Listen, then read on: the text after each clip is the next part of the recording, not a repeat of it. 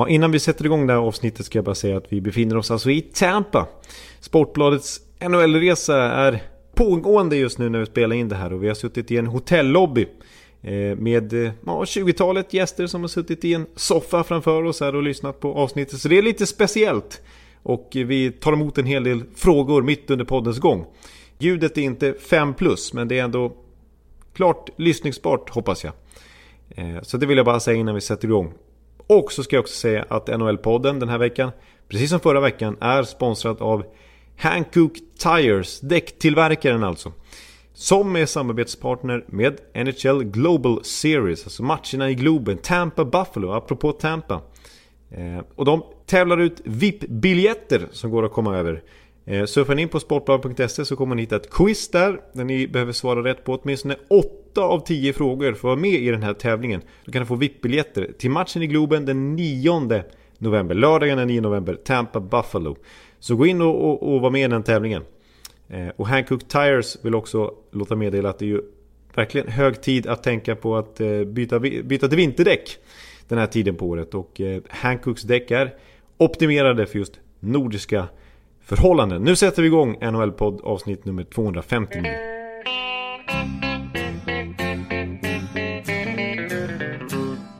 Hello out there, we're on the air, it's hockey night tonight.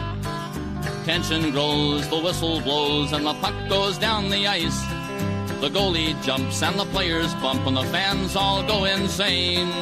Someone roars, Bobby scores at the good old hockey game. Oh, the good old hockey game is the best game you can name. And the best game you can name is the... Hallå, hallå, hallå, hallå, hallå, hallå, hallå, hallå, hallå, hallå, hallå! Yes, hallå välkomna till NHL-podcasten special får vi säga. Det är avsnitt nummer 259 och för första gången någonsin gör vi det här inför publik.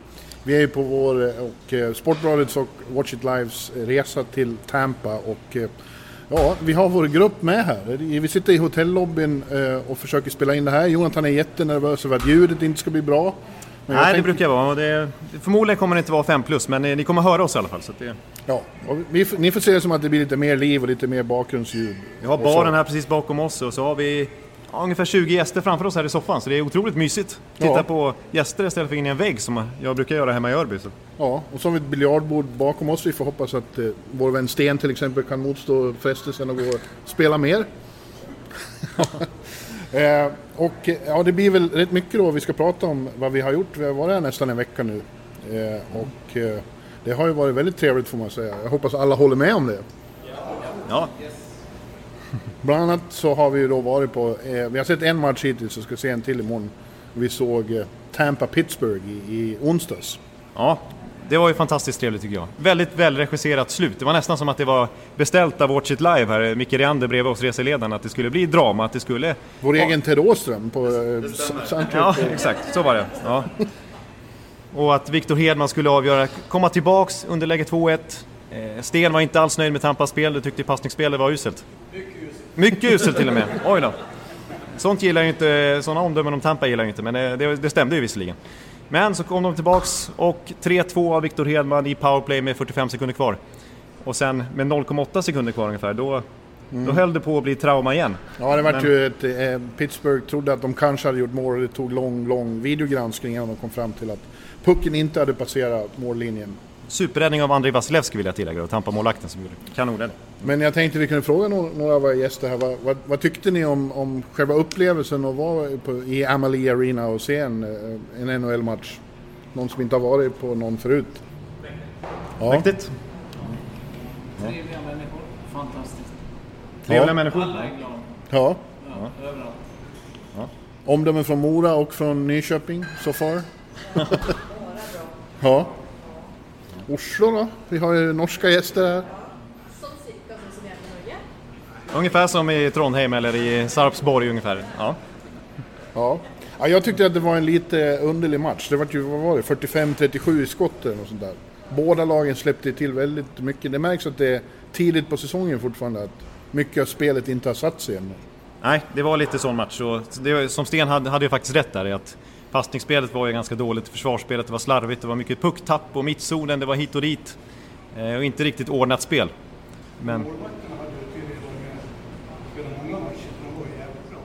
Ja, exakt. Det verkar som att målakten att det är april för dem ungefär. Att de ska toppa formen inför slutspelet. Ja. Ja. Ja, nej, men det är väl mer att spelsystemen inte riktigt har satt sig. Att, att eh, positionsspelet inte är som det ska vara riktigt. Så så var det. Men har ni några andra frågor om, om den matchen som vi var på? Är de veteranerna varje match?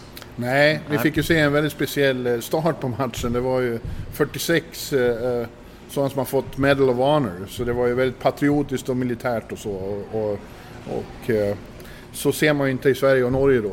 Men det förekommer och framförallt här i södern så är det rätt så vanligt med sånt där. Att man ska stå upp mest hela tiden. Och det var ju riksnyheten från matchen. Det var ju de struntade i att Victor Hedman avgjorde med 45 sekunder kvar. Utan det stora var ju att, att som stor samling av Medal of Honor-överlevare ja, eh, samlades på ett och samma ställe och ut på isen. Så att det var ju liksom... Det var ju på alla nyheter ungefär. Ja. Ja, Tyckte du att det var tyst på läktaren Sten? Ja, nej, jag tyckte inte att det var så tyst, men... eh, Nej. nej.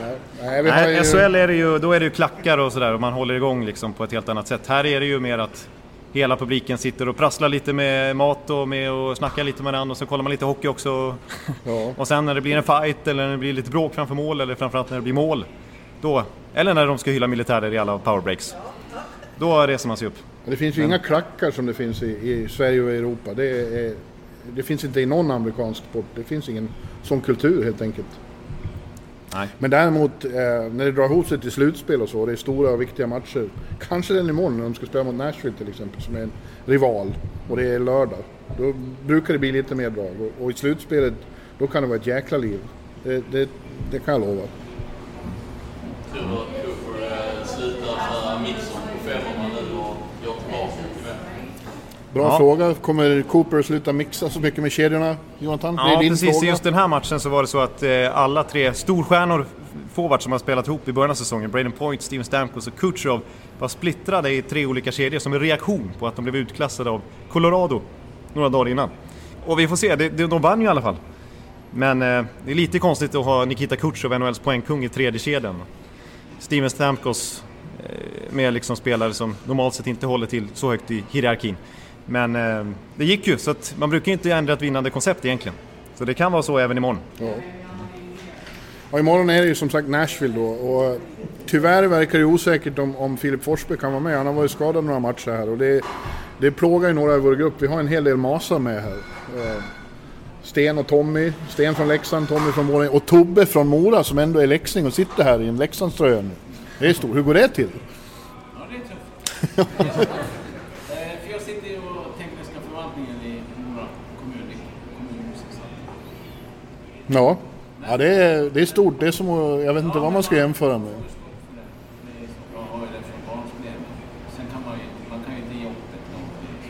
Nej, Nej, nej det går inte. ett, eh, som, jag, som jag skulle sluta hålla på Tampa Bay bara för att de förlorade mot Colorado här senast. Det går inte.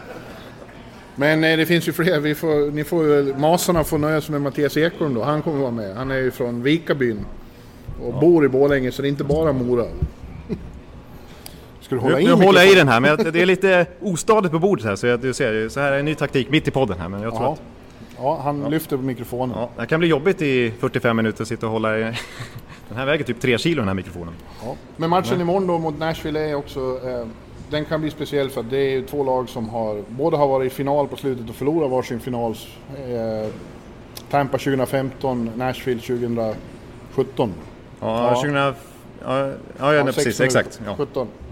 Och eh, båda siktar på att vinna nu.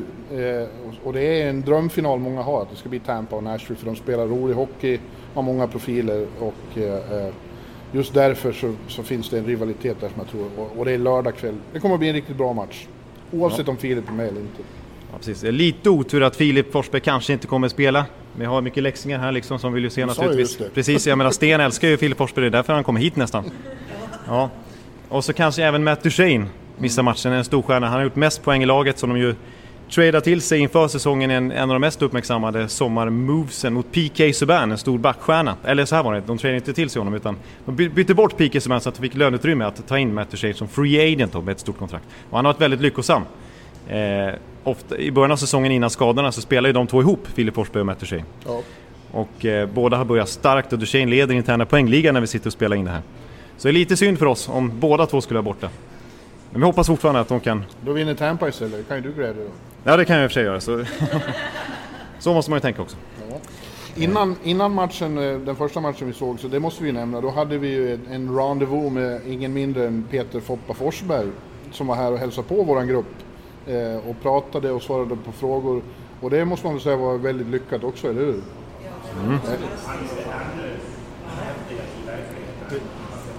Ja, eh, jag tyckte att han var väldigt, eh, han var rolig, han pratade med, han var generös med anekdoter och, och, och, väldigt avslappnad och tillgänglig, eller hur? Han berättade ju väldigt många roliga eh, anekdoter som inte jag hade hört. Alltså, som eh, Patrick Roy slog sönder TVn i tränarrummet. Fast de hade vunnit. För att han hade varit utbytt tillfälligt när avgörande målet gjorde, gjordes. Vilket inte gjorde, han kunde inte tillgodoräkna sig det och få i sin Han stats. fick ju inte sin eh, seger då och det Nej. hade betytt mycket för honom att få den där segern för då hade han kunnat slå rekord och sådär. Så när han var vansinnig och gick in i tränarrummet och bankade sönder TVn allt han kunde. Ja. Ja, det var mycket sådana stories. Han pratade om att han har lugnat ner sig nu med sin tävlingshjärna. Den är ja, inte han så vass försökte lura längre. i oss att han inte har en sån tävlingsinstinkt längre. Nej. Det gick vi inte på, eller hur? Nej, precis. Men var, var det något han, han sa eller eh, pratade om som, som ni funderar på och undrar över? Det var ju ganska kul att höra med Saki. Ja, Eh, hur, hur minutiös han verkar ha varit. Lite som en lagpappa. Eh, och man har hört det prata om Fortun, tror jag. Samma, samma sak med San Jose. Så det känns som det behövs i lagen. Eh, Lite så. Finns det någon sån i svenska, svenska landslaget till exempel, till Kronor? Ja vad, han, vad han nu undersökt flera gånger med de där historierna är det så att, att eh, de, de bästa här i lagen, och det är lika till exempel med Sidney Crosby som vi såg här, att, att de ofta är de som jobbar hårdast hela tiden för att de har mest talang. Eh, och det gör ju att ingen annan i laget kan, kan åka och fuska och, och vara slapp. Eh, utan när de bästa är så otroligt engagerade som de är, då, då sprider det sig genom lagen. Och jag tror absolut det finns några svenskar som tar med sig det hem. Eh, och de, de som har varit ledare i landslaget till exempel, han själv, Sundin, Alfredsson, de har alltid varit sådana. Fått med sig det härifrån. kan det inte vara så att de som är bäst mest talang är, har just det tränar mest. Absolut. Det har jag hört Foppa säga förut, att det finns ingen som det räcker med bara talang för. Man, man, det- den gudar når gåvor man har fått måste man, måste man eh, vårda på det sättet genom att jobba stenhårt. Vi har ju sett några talanger som har kommit hit och inte gjort det. Och det har inte gått så bra. Vi såg ju det på Morningscape. Kutjerov var ju en av de första ut på isen. Ja, precis. Precis det här med tävlingshjärna, att Kutjov kommer ut ja, Ja, åtminstone först på isen. 4-5 minuter innan alla andra och ställer sig och radar upp lite dragskott för att få igång skottet inför matchen. Liksom. Så det är ofta så att de som är bäst är de som tränar hårdast och offrar mest. Och I Kutjerovs fall så är det så att han har ju syntetisk is hemma i garaget för att kunna skjuta även hemma. Så det är dygnet runt för honom ungefär som han håller på och övar skottet och sådär. Så att, Ja. Han ja, han siktade på. han ribban och satte ju flesta skotten också. Vi, vi hop- får hoppas att han siktar på den. Det ska vara öppen, Ja. öppen kasse. Ja, då är annars gillar han inte som Tampa-fan om, om man bara ska pricka ribban i, när han siktar på krysset. Liksom. Ja, ja och, eh, vad kan vi berätta mer om vad vi har gjort här? Vi, vi, eh, eh, ni har ju legat vid poolen en del och så. Min, min kamrat här har ju lyckats bränna sig flera gånger om. Först var det nacken, nu är det fötterna han brände på beachen. Ja, igår så jag satt i skuggan hela dagen men glömde bort fötterna så nu kan jag knappt ha på mig skor här. Men om ni skulle säga något till framtida gäster om varför man ska åka med till till exempel Tampa. Vad är, vad är det bästa här? Värme. Ja, Värmen? ja. Hockey, eh, hockey med flipflops och shorts och sådär. Folket, eh, polisen. Polisen. Polisen är en... eh, Kom, till, kom hit och... Kom hit och hälsa på polisen. polisen ja. Det. Ja. Trevliga liksom, man kommer ut där och fara runt. Mitt i natten bara. Du ser inte. Det Har du varit ute mitt i natten Tobbe? Nej men alltså, det, det, alltså människor är Ja. Du är säker liksom. Men just det här med att vi är här och att eh, det är många som, vi sa det i början, det är många som tycker att hockey ska bara upplevas i, iskalla kanadensiska metropoler. Men det här är trevligare, eller hur? Är speciellt att se det. Ja, absolut, det är det ju. Men om man ska åka på en semesterresa kanske trevligare när det rasslar i palmerna samtidigt när man kommer ut. Ja, men du eh, Ekeliv, har vi några vanliga eh, Ja, ämnen precis. vi ska Nu blir det en väldigt beta speciell av för de som här sitter hemma och ja exakt. inte precis. bara in- hatar om att höra hur bra vi har det. Ja, precis, exakt. Som vill höra lite klassisk NHL-podd här. Ja. Ja. men vi kan väl ta upp det faktum att eh, den som leder poängligan, det är ju en back som leder hela NHLs poängliga och det hör ju inte till vanligheterna. Nej, det har inte hänt. Har, det är John Carlson då i Washington Capitals. Han har gjort 20 poäng på... 21 poäng till och med, han gjorde en till Ja, assist. Men det är, det är bara tre backar i hela NHL-historien som är över 100 år som har lyckats komma upp i 20 poäng redan i oktober. Så det är verkligen, och senast var tre decennier sedan. Så det är verkligen en, en, eh, Det är en alltså prestation. Paul Coffey och Bobby Orr och det är liksom stor, det är Hall of Fame-spelare. Ja. Så det sjunger om det. Ja, det är lite anmärkningsvärt. Visst, man har vetat att John Carlson är en bra back, men inte så här bra. Nej, precis. Men han har verkligen steppat upp sista två, tre åren. Alltså, han har ju alltid, han har varit med i ligan ganska länge. Han är ju lika gammal som jag. Vilket ju jag tycker är väldigt ungt. Ja. Men i NHL-sammanhang så är det ju ett decennium nu ungefär som John Carlson har spelat. 28, fyller 29, han är 29 måste han vara nu. Eh, Så här mycket poäng kommer inte att hålla i sig för han har en jättehög skottprocent. Ligger på 21 tror jag. Eh, När han är på isen så ja, nästan 18 procent av alla skott liksom, som Washington tar som går in. Och normalt sett brukar jag ligga på runt 10 procent. Så att han har haft ganska mycket tur ska vi säga, som gör att det, kan, det kommer inte bli 140 poäng av den här Nej, säsongen. det Men det kan mycket väl bli 80 poäng kanske. Det är faktiskt bara fyra backar i, under 2000-talet som har gjort över en poäng per match över, åt, liksom, över en full säsong. Det kan ju ske nu med John Carlson. Det är en annan Carlson också där. Erik Karlsson har gjort det till Ja. exempel, men det här var John, John Ja, Carlson. det är fel Carlson. Det är fel Karlsson. Just nu världens bästa Karlsson. Ja. Det är faktiskt John Carlson. De mötte ju Edmonton igår och- och som någon sa att det var ju, det var ju ganska väntat att den som leder poängligan kommer att vara på isen då. Men man trodde att det skulle vara Ovechkin eller McDavid då. Men det är Carlson var- istället. Ja, Vi har börjat kalla honom Mac Carlson sa Beckis faktiskt häromdagen. Ja. På telefon. ja men det som jag tycker sticker ut lite grann också, som är speciellt med John Carlson, det är hans förmåga att passa pucken och så att det blir direktskott. Alltså att spela fram så att, visst när man spelar med Ovechkin som alltid skjuter direktskott, då kommer man ha, ha, ha en hög sån procent. Men oavsett om man spelar till Vrana eller till Bäckström eller till TD Ocean och sånt där, så, så har de möjlighet att skjuta direkt på hans skott för de är så precisa. Det är rätt hårdhet i passningen, det är rätt precision och så vidare. Rätt timing. Eh, och faktum är att Totalt sett om man kollar i, liksom i NHL hur många av skotten som går in så är det ungefär 9% som går in. Eh, av direktskott så är det ungefär 14-15% som går in. Och är det direktskott i slottet så är det 25% av alla skott som går in. Så det är väldigt hög andel av skotten som går in om det är just direktskott. Och John Carlson är den spelare som vars passningar leder till flest direktskott i hela ligan, ganska klart. Ja. Och då kommer det bli mycket poäng och mål. Man har den. En typisk Ekeliv-uppvisning här. Han bara, pratar, han bara pratar på. Man får hoppas man får en syl i väder någon gång. Ja.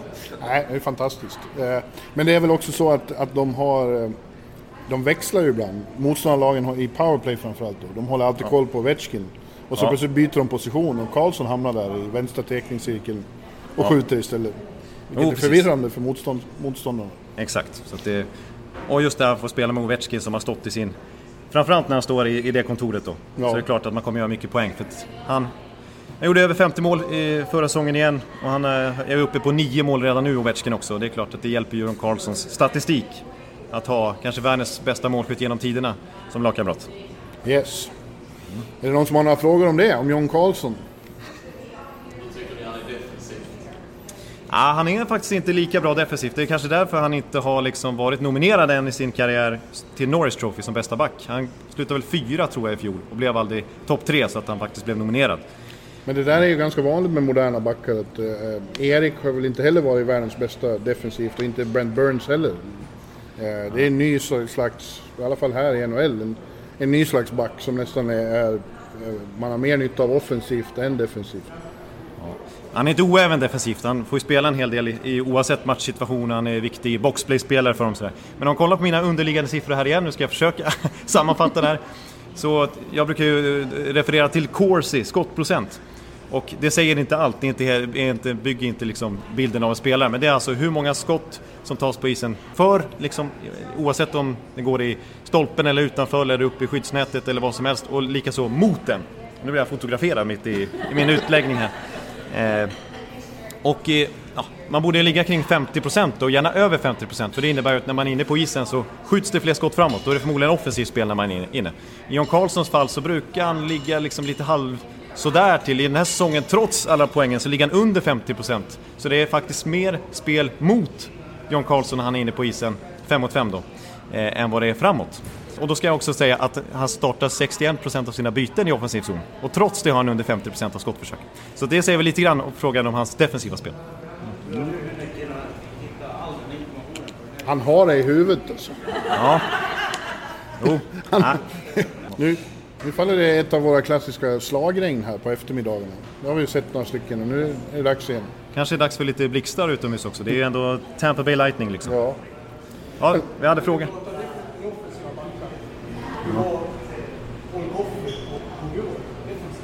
Och de var, som, som Tobbe sa här, Paul Coffey var väl lite av en sån back. Bobby Orr var väl bra på precis allting. Ja, så Niklas, Lidström var ju så också. kom- Han var ju bra offensivt men också helt fantastisk defensivt. Eh, så att, eh, men apropå backar, vi har ju, eh, och svenska backar, en klassisk Ja. svensk back som det har haft tråkigheter här i veckan. Jonathan Eriksson i, i Detroit har varit skadad eh, inledningen av säsongen och börjar göra sig redo för att och, och, och börja spela och blev då uppsatt på waivers och eftersom han har så stort kontrakt så var det ingen som tog honom. Så för första gången på tio år blir han skickad till eh, farmarlaget. Och det är väldigt tråkigt. Det känns lite respektlöst mot en sån gammal hjälte som var med och, och spelade Stanley Cup-final 2009 och var en- den sista av de stora svenskarna i Detroit kan man säga. Men nu verkar det vara kört. Ja, tyvärr. Han har ju utgående kontrakt också så vi får se hur mycket vi, mer vi får se. Det kanske var sista vi har sett av Jonathan Eriksson i Ja. NHL förmodligen. Eh, som annars har en häftig karriär måste jag säga. Han, när han blev draftad 2002 så var han sista spelare i hela draften att gå. Typ 260 eller något sånt där. Ja, Och trots det så har det blivit 600, nästan 700 NHL-matcher. Så det är en bra bedrift ändå får man säga. Att, inte riktigt betrodd som junior men eh, verkligen en fin NHL-karriär. ja. Och jag tycker det där är lite tråkigt med Detroit för när, när de hade alla svenskarna där runt 08-09 och några år till så var det det roligaste laget att följa av alla på, på många sätt. Dels för hur de spelar och dels för att de var så bra med att ha att göra med. De var väldigt engagerade i min blogg till exempel. Eh, så det känns lite trist tycker jag.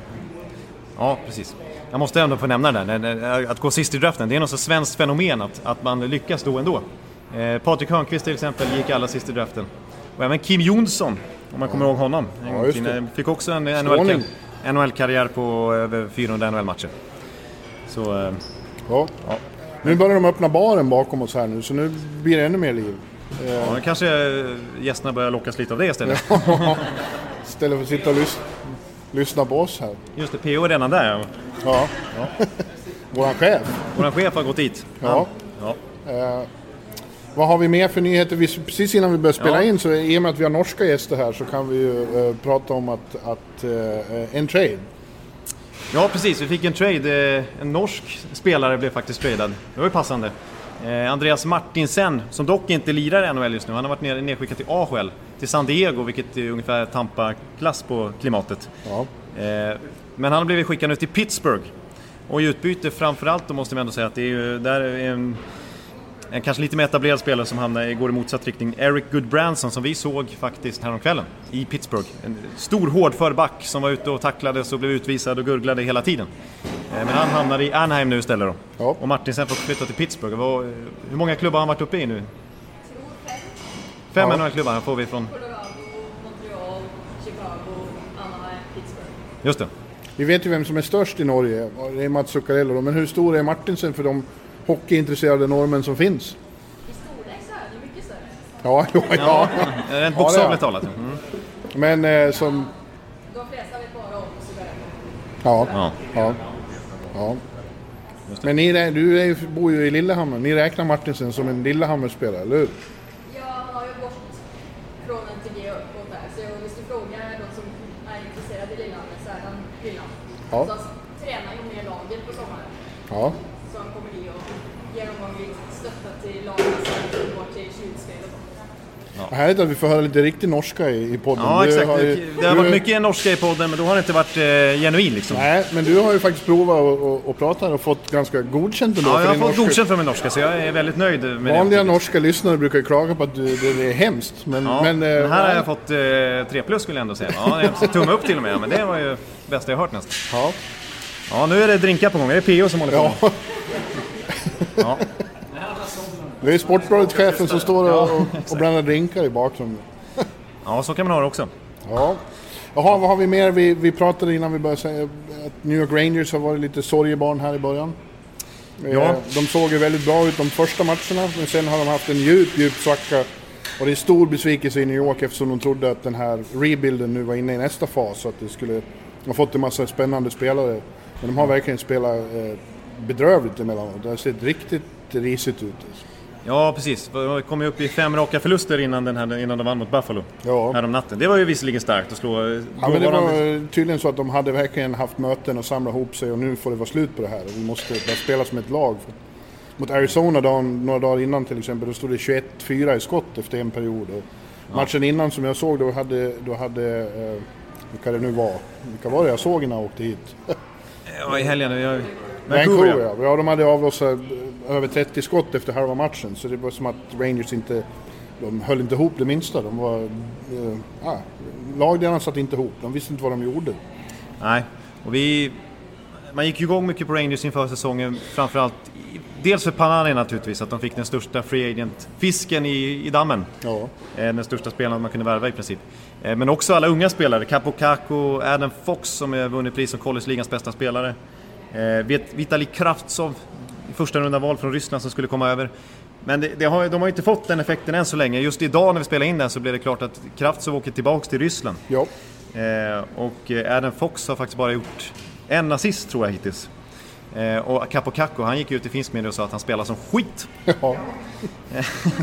Och är jättemissnöjd med sitt spel. Så de har ju inte fått det lyftet man hade tänkt sig. Och det, egentligen är det nästan bara Panarin och Zibanejad, eh, inte minst, Ja. som verkligen har levererat Precis. offensivt. Det här känsliga då, elefanten i rummet, Henke. Henke? Ja, han har ju börjat väldigt bra. Han har ju börjat den här säsongen väldigt bra. Då. Han har varit en av, en av de få som har liksom, eh, överträffat förväntningarna här i säsongstarten. Han är inte den han var. Ja, Han är 38 år, så man är sällan den man var när man var 25. Ja. Men en sak som det har varit lite snack om här på slutet vet jag och som det har varit de senaste åren kring Henke, att han inte jättebra med plocken. Alltid. Men det har han väl aldrig riktigt varit. Nej, precis. Men det har inte riktigt varit hans styrka. om man tittar på den här säsongen så har han släppt in hälften av alla mål uppe i plockanskrysset. Den är mer en, en sån här, vad heter det, eh, ungsvante. Ja, inte en plockhandske utan en ungsvante. Ja. Men eh, så det är något som motståndarna utnyttjar och det tycker jag man har sett den här säsongen att det är, det är plockanskrysset de siktar på. Ja. Han har ju varit intressant på så vis att, han för, att de för första gången på, på otroligt länge har en quarterback på, på blå linjen. Men han, har, ja. ja, men han har varit alltså, en som styr powerplay och gjort, sett väldigt, han pondus där i den rollen. Men defensivt har inte han heller varit något vidare. Det är framförallt defensivt de har haft enorma problem. Ja, Ja, eller hur? Hönsgård i- ja, ja. så har det verkligen sett ut. Eh, Precis. men vi får se vad den här vinsten då mot Buffalo betyder. Den, eh, om, de, om de kan... De borde vara bättre än de ser ut just nu. Så är det. Ja, visst. Han är en sån Fast. som inte får så stora rubriker, men han gör alltid verkligen sitt jobb. Coacherna älskar honom alltid för att han är... Eh, han gör vad de säger åt honom. Han löser alla uppgifter.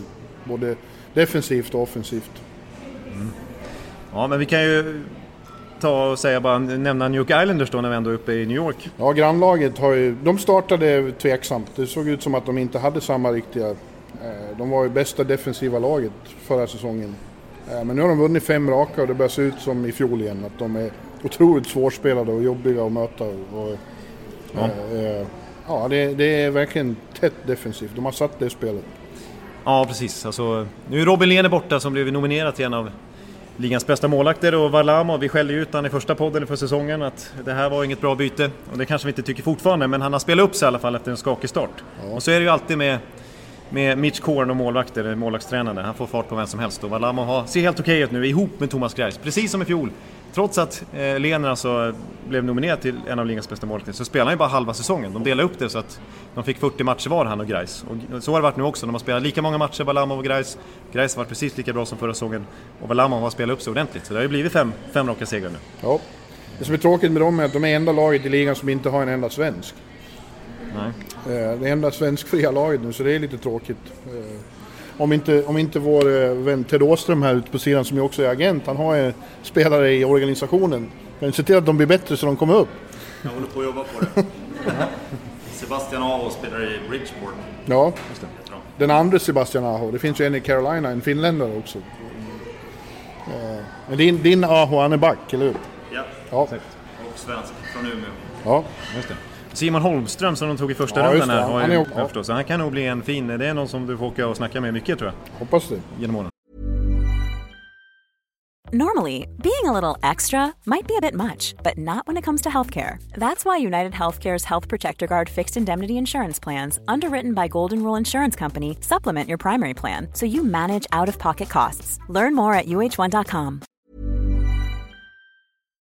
Jag har en fråga. Ja. Hosang? Ja, precis. Det undrar man ju faktiskt. Eh, Det är ju en, eh, en av våra favoritspelare i Ja, podden. en riktig lirare de har haft Ja. eh, i flera år. Men, men han har aldrig fått någon riktig chans. De har inte tyckt om hans stil. Han, han började med att försova sig till första, första dagen på campen när han var rookie. Och det var inte bra. Ja, då fick han ju som, som straff att han skulle springa upp och ner genom den här gamla arenans trappor. Ja. Hela eftermiddagen tror jag. Ja. Stenhårt straff. och sen skickad till farmarligan Och sen skickad till farmarligan. Ja. Och där har han blivit kvar. Och nu, nu trodde de att han skulle ta plats i år, men, men nej. Och han har ju begärt att få bli tradad någonstans. Eh, Än är det ingen som har tagit honom. Men, Ja, det, det är väl kanske det som är grejen då, som vi pratat om tidigare med vinnarskallar och sånt där. Det är väl kanske det, lite det han saknar. Just det här eh, disciplinen med träning och ja, exakt. eh, sådär. Det, det är ju alltid det som han har fått själv för genom juniorkarriären också. Han var en sån, rent talangmässigt så borde han draftats väldigt högt. Men han sjönk ner, sjönk ner, sjönk ner och så var det först i slutet av första rundan som han blev draftad. Trots att han kanske kunde ha gått topp 5 om han hade haft mentala biten också. Han skulle ha haft en sån Joe Sakic som vi pratade om, som tagit hand om Kunde honom. läxa upp honom lite grann. Ja. Ja. Jag tycker, jag funderar på, ja vi kanske ska börja, men jag tycker vi kan nämna också Nico Hischier.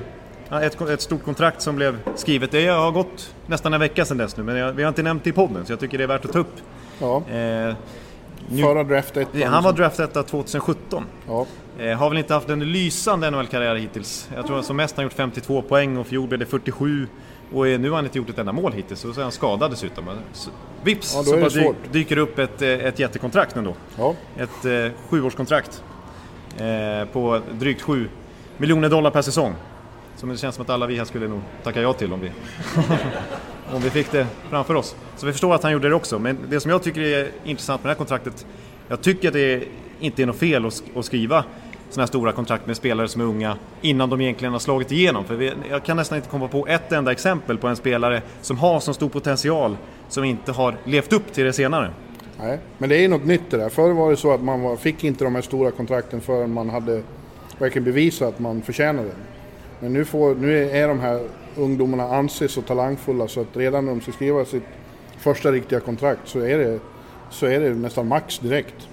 Ja, i alla fall ordentligt. Men det är bara att kolla på till exempel Nathan McKinnon, storstjärnan i Colorado som har kanske NHLs mest prisvärda kontrakt nu. Men när han skrev det runt 6 miljoner dollar för några år sedan per säsong, då hade han inte fått det här genombrottet än. Eh, och då tyckte man att det var väl kanske lite för mycket att ge till honom redan nu. Men nu har han några år till på det här kontraktet och är ju, ursäkta uttrycket, gravt underbetald. Ja, Eh, för att skulle han bli free agent i, i sommar nu istället, så skulle han fått det dubbla. Så att det är väldigt bra för klubbarna tror jag ändå. Jag tror inte New Jersey kommer behöva ångra det här kontraktet. Men det man kan säga också, nu har, får ingen syl i vädret igen. Nej. Nu, jag är så van. det är som vanligt. ja, nej men det är att och hela sommaren här och ni kanske kommer ihåg förra året med William Nylander som det dröjde ända till december nästan innan han skrev på eh, ett nytt kontrakt. Eh, för att spelarna verkligen vill maximera sitt värde. Och det har ju lite med det här också att de, nu när de är unga så tycker de att de förtjänar bättre betalt än vad det var förra åren. Och under sommaren så fick vi se, det var liksom, tog jättelång tid innan Line skrev på. Det var in på campen med Mitch Marner, Braden Point, Matthew Kachuk. Jag kan sitta här i fem minuter Ja, det kan du säkert. och, och, och, och näm- nämna alla spelare som väntade. Men eh, nu har vi sett tvärtom, flera spelare som, som det skulle varit samma sak med nästa sommar istället. Till exempel Nico Hischer som skulle ha blivit free agent De skriver om direkt. De skriver om det direkt. Vi har sett, världen. exakt, Alex de Brinket har skrivit på nu. Vi hade Thomas Chabot som skrev på också. Eh, Så det har blivit liksom en motsatt trend bara på någon månad här. Just det här William Nylanders skräckexemplet kanske eh, har gjort att, och, och hur det såg ut under sommaren här, har gjort att nu är klubbarna proaktiva istället. Och även spelarna, de vill inte ha den här utdragna processen, mediabiten att ta hand om och eh, liksom allt det fin- det röriga som det innebär att vänta ut ett sitt kontrakt. Det finns äldre spelare som, som gnyr om det där lite grann och, och säger just att förr var man tvungen att, att bevisa att man förtjänar pengarna innan man fick dem. Nu får man dem på en gång. Ja, man får till och med mer än man förtjänar. Ja, Sten vad säger du om det här?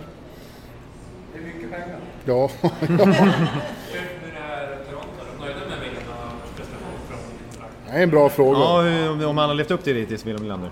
Han gjorde Ja. inte det den halva av säsongen han spelade i fjol. var ju inte bra. Det märktes ju väldigt tydligt att han hade missat en halv säsong. Och missat campen och så åka och träna för sig själv. Det, det går inte. Nej. Eh, och och den här, han startade väl bra den här säsongen men helt eh, jättebra har det väl inte gått. Nej, jag tror de är lite missnöjda hittills. Det är ju inte bara han som har fått ett stort kontrakt i, i Toronto, utan de lägger ju halva sin budget på bara fyra spelare. Nylander är en av dem och så är det ju Mitch Marner, Austin Matthews och John Tavares. Och nu när Tavares har varit borta ett tag, han kommer att vara någon, någon, ett par veckor till tror jag, för han har brutit fingret. Då har ju Matthews framförallt fått ta ett större ansvar som första center och, och liksom möta motståndarnas bästa spelare. Och då mötte de ju Bostons Patrice Bergeron som är liksom ultimata tvåvägscentern i NHL. Och normalt sett är det alltid Tavares kedja som får möta han. Nu är det fart i, i, i grejen. Ja. Ja, Då var det Matt... Nu är det någon som har after work här. Ja, precis. Men då var det i alla fall Matthews som fick eh, gå upp mot Bergeron och det gick inget bra. Eh, målmässigt klarade de sig hyfsat, men jag tror de bara fick ihop fem skott på två matcher i 5 mot 5 mot en kedja, medan Bergeron fick upp mot 20 skott. Han har det här i huvudet. Ja, och eh, ja, men Matthews fick börja ta liksom, han- innan liksom den här skadan tror jag han hade tagit 17 tekningar i defensiv zon, för han behöver aldrig starta i defensiv zon. Men nu fick han göra det, vann bara 29% av tekningarna, så att han är inte van att spela defensivt. Så han är inte komplett. Eh, det är samma sak med, ja, men se, det, det är det som är problemet med de här unga spelarna i Toronto, att de är inte, de är inte färdiga än. Jonathan, du märker att folk skrattar åt att Ja, du bara har det här ja, i huvudet. exakt. Hur många tekningar han har. Till och med de i baren börjar skratta. Ja. ja, nu får jag lugna ner mig. Men du, det börjar ju... Var var det några frågor om? Vad, vad tror ni det gör för eh, Taylor Hall som också sitter på utgående kontrakt i Devils? Ja, det är, det är en mycket bra fråga. Han har, honom har de ju inte löst med och han är inne på sista året. Eh, och det går mer och mer rykten om att, att eh, han, han är väldigt sugen på att undersöka den fria marknaden. Men ju mer Devils gör, desto bättre de spelar, så borde det vara mer eh, attraktivt för honom att stanna och till slut skriva på ett kontrakt.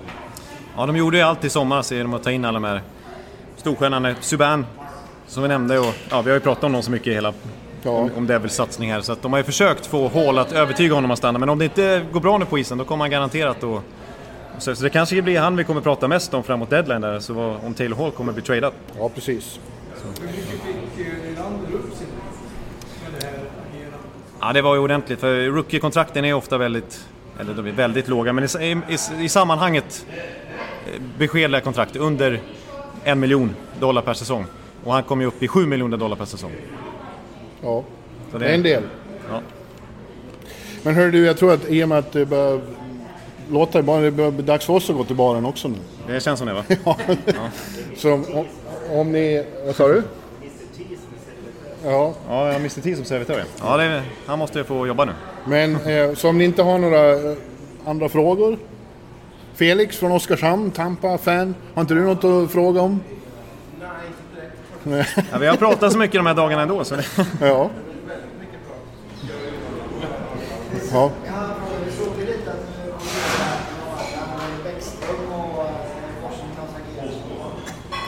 Han är ju också inne på ett kontraktsår då. Jag repeterar frågan bara, Bäckström alltså. Ja, vad, som händer med Bäckström. honom. Mm. Och han är ju för Washington, han skrev ju ett tioårskontrakt för tio år sedan då. Är ju, spelar ju för, på rabattkontrakt för dem. Även om det, han får 6 miljoner om året så är det väldigt lite för att vara honom. Eh, men nu, går han, nu är han ju över 30 liksom. Och, och, eh, va, va, några år till kommer han ju få och rätt bra. Jo, ja, jag, tror han, jag, de kommer, jag tror de kommer prioritera Bäckström. Snarare än till exempel Braden Holtby, som också har utgående kontrakt. där har ju hans konkurrent, nya ryssen som har kommit över, Ilja Samsonov, imponerat så pass mycket nu så att jag tror på sikt så är det bättre att satsa på honom och spara in lite pengar som man har råd med Bäckström. Och även Ovechkin, bara två år bort så sitter vi och pratar om att Ovechkin har utgående kontrakt också. Ja. Det är ju liksom en nivå till. Så jag Ja, tror... jag jag- tror... Han. Bäckström ja. Jo, han är väldigt eh, stabil. Brukar ju kallas för en av NHLs mest underskattade spelare. Och han, han är en sån spelare som känns som att han kommer inte att tappa så mycket men, i och med att han blir äldre. För att han lever inte så mycket på sin speed direkt. Han har aldrig varit särskilt snabb utan det är sitt spelsinne. Ja, Vi har, vi har jämfört honom med Joe, Joe Thornton som är liksom 40 bast nu och fortfarande helt okej i alla fall. Ja. Och verkligen levererat långt upp i åren. Och det, det, han har ju aldrig varit snabb. Nej. Men är man tillräckligt smart och rätt placerad och vet vem man ska spela och sådär, då, då kan man klara sig utan skridskoåkning faktiskt. De, de som brukar tappa efter 30 och, och väldigt snabbt då, det är de som lever på sin skridskoåkning. För när man blir äldre så blir man långsammare och, och då tappar de så otroligt mycket av sitt spel.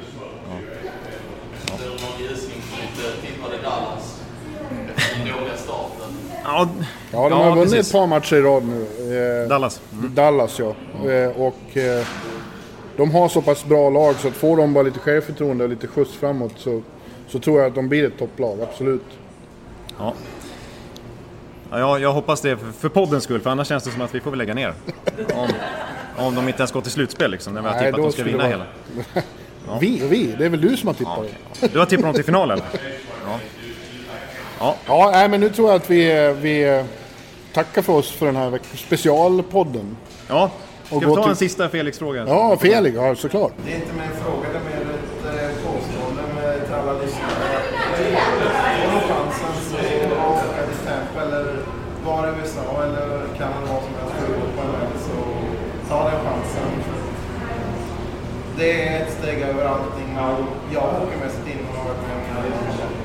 Vad härligt, Nej, vi har vilken härlig avslutning. Ja, Det var den bästa avslutningen vi har fått till tror jag någonsin. i podden. Sportbladet som ja, precis. Och kanske med mig som färdledare. Ja. Ja, det, det där var värt en öl. Ja. ja, det där låter som den utmärkta avslutningen, eller hur? Ja. Så vi, vi, säger, vi säger tack så. Ja, så hörs vi från Örby respektive New York nästa vecka igen. Ja, det gör vi. Ja. Hej då från Tampa. Hej! Ja. Vill ni ta bilder med de här två pajasarna så Jag har se- sett färdigt. Hallå, hallå, hallå. Hallå, hallå, hallå. Alex Chiazot, Joe Luis Arena och Esposito. Esposito. Uttalsproblem, men vi tjötar ändå. Och alla kan vara lugna, inspelningsknappen är på. Bjuder Hanna Kohl, han är grym i sin roll. Från korrespondenten har han fullständig kontroll på det som händer och sker. Det blir ju allt fler som rattar in hans blogg. Och lyssna på hans podd. One, two, time, speed, so Hallå, hallå, hallå. One, two, time, speed, so Hallå, hallå, hallå. Ekeliv, som är ung och har driv. Verkar stor och stark och känns allmänt massiv. Han hejar på Tampa och älskar Hedman. Sjunger som Sinatra. Ja, och där ser man. Nu är det dags för refräng. Dags för magi, Victor Norén. Du är ett geni. Så stand up at home and remove your hats. Höj volym, för nu är det plats. One, two, time, speed, so Hallå, hallå, hallå. One, two, time, speed, so Hallå, hallå, hallå. One, two, time, speed, so Hallå, hallå, hallå. One, two, time, speed, so Hallå, hallå, hallå. Det är otroligt länge sedan båda samtidigt var så här bra. Hallå, hallå, hallå. Det är otroligt länge sedan båda samtidigt var så här bra.